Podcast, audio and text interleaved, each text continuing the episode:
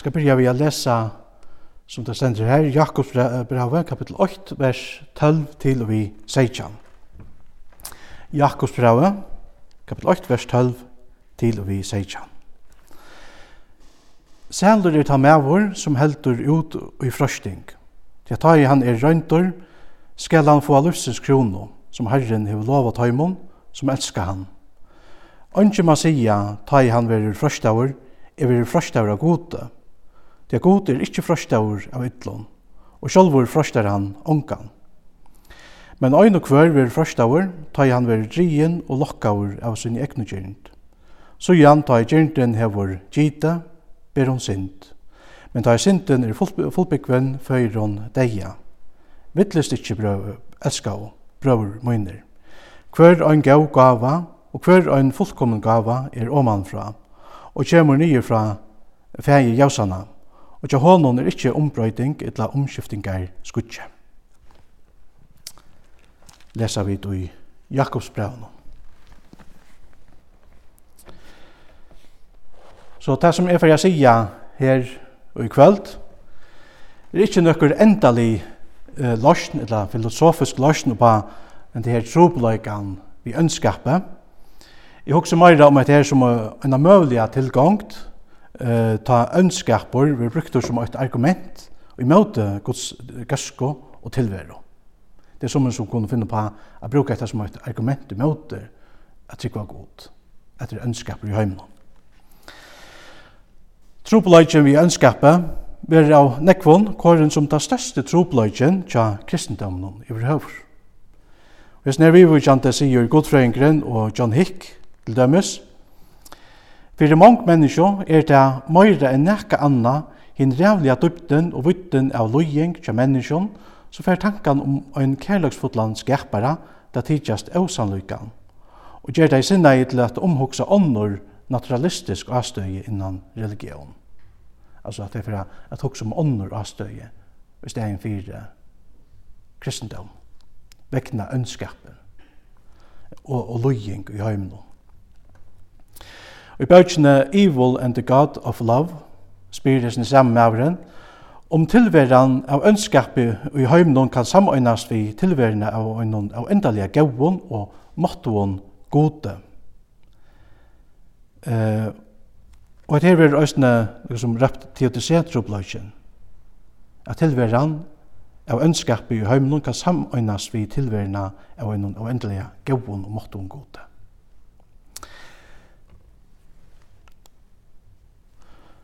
Vanliga verur se TOTC, og raur sålai som det sutsi her. Her man sier, innskir han, altså innskir god, at hindra ønskapet, men er ikkje mentor, så er han måttleisur. Er han mentor, men ikkje viljur, så er han øntor. Er han begge mentor og viljur, kvianne kjemur ta hitt ønta. Hetta var opprunalige året av en gryskon filosofe som heter Epikur. Og det er ja, cirka uh, er 341, eller han levde da fra 341 til 274 krist. Innan uh, TTC, Huxan, røyner man å løse tropløykan vi ønskapet ved at verja god. Og etter røysene fragrøyngen til kjolt hotetje TTC som det sugger. Som er sett ser man at tvøymon griskon åron, teos, til å si god, og dike, rattvise. Talan er altså om en røynd at verja Guds rattvise og i møtt noen vi løying. Trobløyge vi ønskapet er ikke bare en, en intellektuellur trobløyge, nekka som vi tar trobult vi er skilja. Trobløyge er også en kjenslebåren, nekka kjensler involvera er. Og kjensler er nekka som vi ødel hava til felags, begge tryggvante og ikkje tryggvand. I bøyplene kommer jeg ser kjenslene er øsne til kjentar, flere stannes, hvis vi leser salmene, så stendte til dem som i salma, i salme 20, vers 8, her stendte, hvor stendte du, Herre, så lengt av løy, hvor fjallet du det av neierstund. Så at det øsne en responsor på løying, som man ser nekva stans til dem stans i sånn tutsi vers 8. Hvor stendet du, Herre, så lengt av løy, hvor fjall du til av neierstund?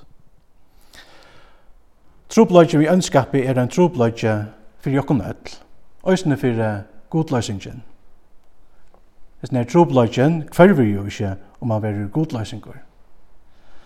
En godløysinger må framvegis røyna at greia fra, hvis den nær trobløygen vi ønskapet, men Nu må han vi støye og gjerne godlesere heimsfattan røyna grøya fra hvor så nekver ønskaper er og i heimnum.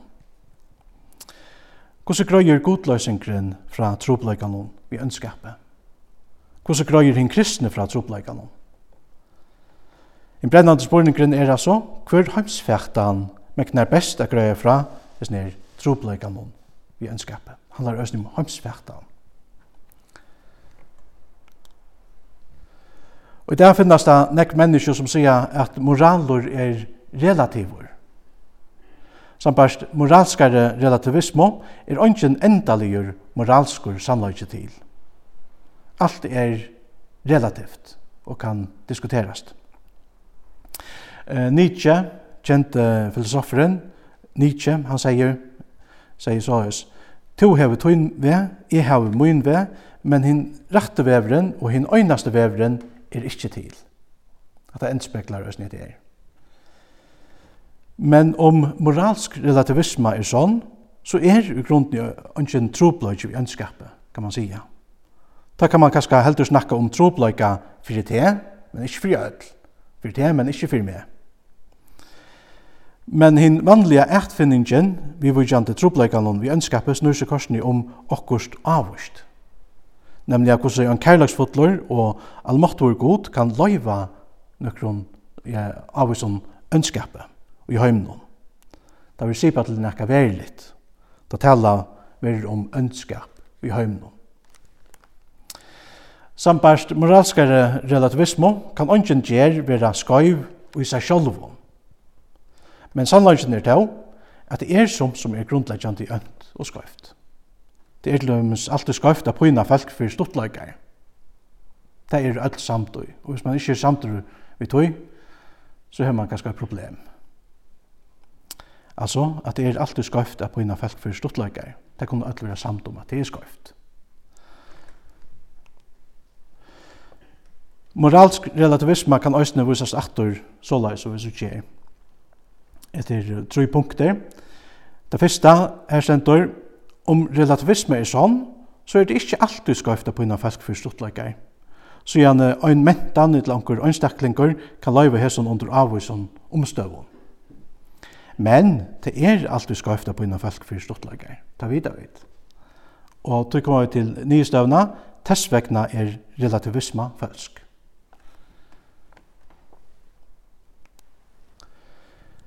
Så snart er det altså sånt som er grunnleggjande ønt og skøft, lukka mykje hver du erst, hver du kjemur fra, etla nær du lever. Det er ikke nekka som liksom, brøyter seg ved togene. Som er, somt er rett og somt er ønt. Og dette er vi øren åren, det som kommer inn under objektivan moral, som man kallar det, nok så funnet år, objektivor moraler. Heimsperskingren og godfrøyngren William Lane Craig, som til sutja på av her, Han understryker til dømes at objektivur moralur er ein moralur som ikkje er treitavur av møyningsne til menneskjon. Så ikkje treita av kvart folk heldur. Hært måte er subjektivur moralur treitavur av møyningsne til menneskjon. Det varierer alt etter kvart folk heldur. Det er subjektivt. Og trobløyge vi ønskapet er bare en trobløyge om objektivur moralur er veriljur. Men om moralsk relativisme er sånn, så er det som sagt ønsken trobløyke vi ønskapet. Ta er sagt fyrir te, men ikkje fyrir meg galdande. Ta er, kan man sige, til dømme fyrir at takka eit døme, så er fastertøkka skaiv fyrir ein person, og ikkje skaiv fyrir en annan. Men hon kan omgat du vera skaiv i seg sjálvun om moralsk relativisme er sånn.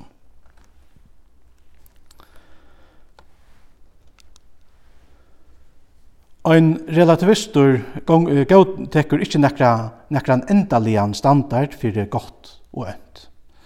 Og tøy kan han heldur ikkje bruka tropløyka vi ønskapet som en ertfinning og imøte gode til liksom på enkje vi er snir. Men om tropløyka vi ønskapet er veriljur, nekka konkret, så merker det at moralsk relativisme er åsom. Så det er en, en gav prøvgrund og imøte moralskare relativisme. Det er tropløgjen vi ønskapet, prekvar jo fyrir jokken, et moralur er objektiver og øyn eller annan nått. At det er nekka konkret som man sier på til, ikkje nekka sår som varierer. Og bøtjene berur kristendommer, takk av vera til kjenne det her, C.S. Lewis, han skriver nekvar bøker, uh, Narnia bøkene til dømes. Han sier jo i bøtjene veri kristendømmer, mer Christianity og enskon. Grundgjøving moin i møte gode var at allheimren takte så øntor og øvrattviser. Men kvian i heie finnje etter husgåte om rattvise og øvrattvise spyran. Ongi for å si en strik at vera skøyva, som ikkje ser fyrir seg hvordan en bøynstrike er. Hvert bær i hentan allheimen vi, saman vi, da jeg kallar han Øvratvisan, spyr C.S. Lewis. Om man skal bruka tropleika vi ønskap som en ertfinning i møte gode, så må man så starta østene og i utgangsstøynen godtekka en objektiv standard, en avvisan standard fyrir godt og ønt. Vi må hava en bøyna striko er samanbera hina skøyvo strikna vi. Kvarske relativister eller godløysingar kunne bruka trobløykan vi ønskapet som en ertfinning i møte gode. Det er trobløyken stolar tøymon i grunden ikkje. Tverste møte krever en verilig trobløyk vi ønskapet og en endalian standard for gott og ønt. Hver fer godløysingren sin standard fra? Kan vi spyrja. Om god ikkje er til, så vil det trobult a fra verilig ønskapet.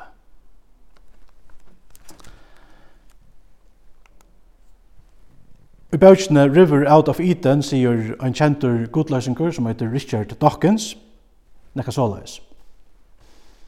Så det er en, en som tror at det er ikke god til, og at alt er lukka som materia som er utvikla, så er at tilvild største. Han sier så, vi er noen allheimi av elektronen og sjålsøkjande genon, for at som folk få skia, men ånder har etna vissar og du kanst ikkje finna nekka vit etla skil og jonon, og i heldur rattvise.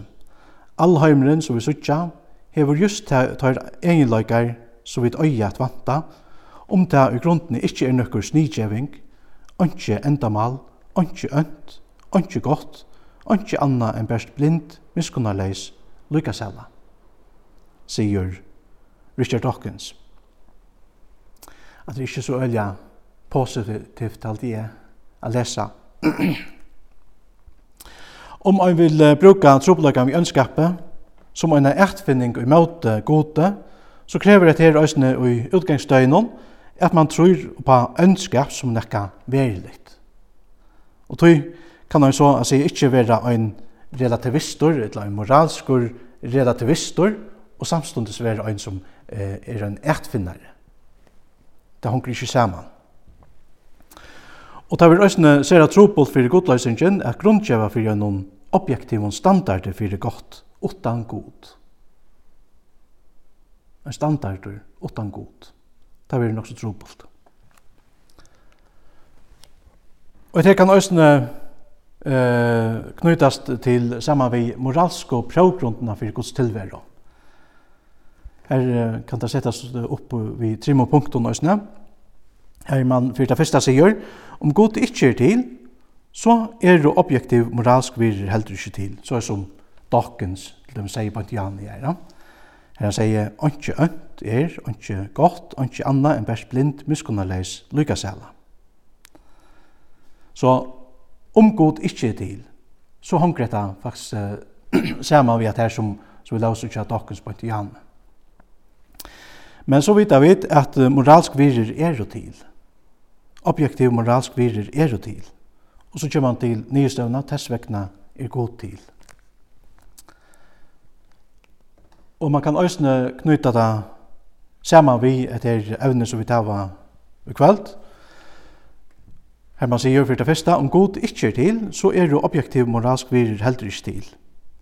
Men, for det neste, ønskaper er til. Det vet jeg vet. Og Tess vegna er objektiv moralsk virer til. Okkurst er ønt. Og så kommer han til som og nye støva, tess vegna er god til. Jeg så vi var kjent lekker William Lane Craig, denta, er kjalt om løying tidsist er soa iva om gods tilvero, så stolar løying og i røynt og veru gods tilvero. Det er at åttan god kan løying ångat du sigast av vera ønt, og i seg sjálfum.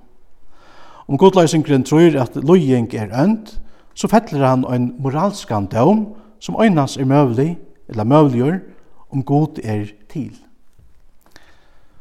Det ironiska vi trobelagan vi ønskapet er altså at etfinnaren og i utgangsdøgnon må gautekka objektivan ønskap. Et her diskvalifiserer relativismo og gjør godløse og sammanhengande.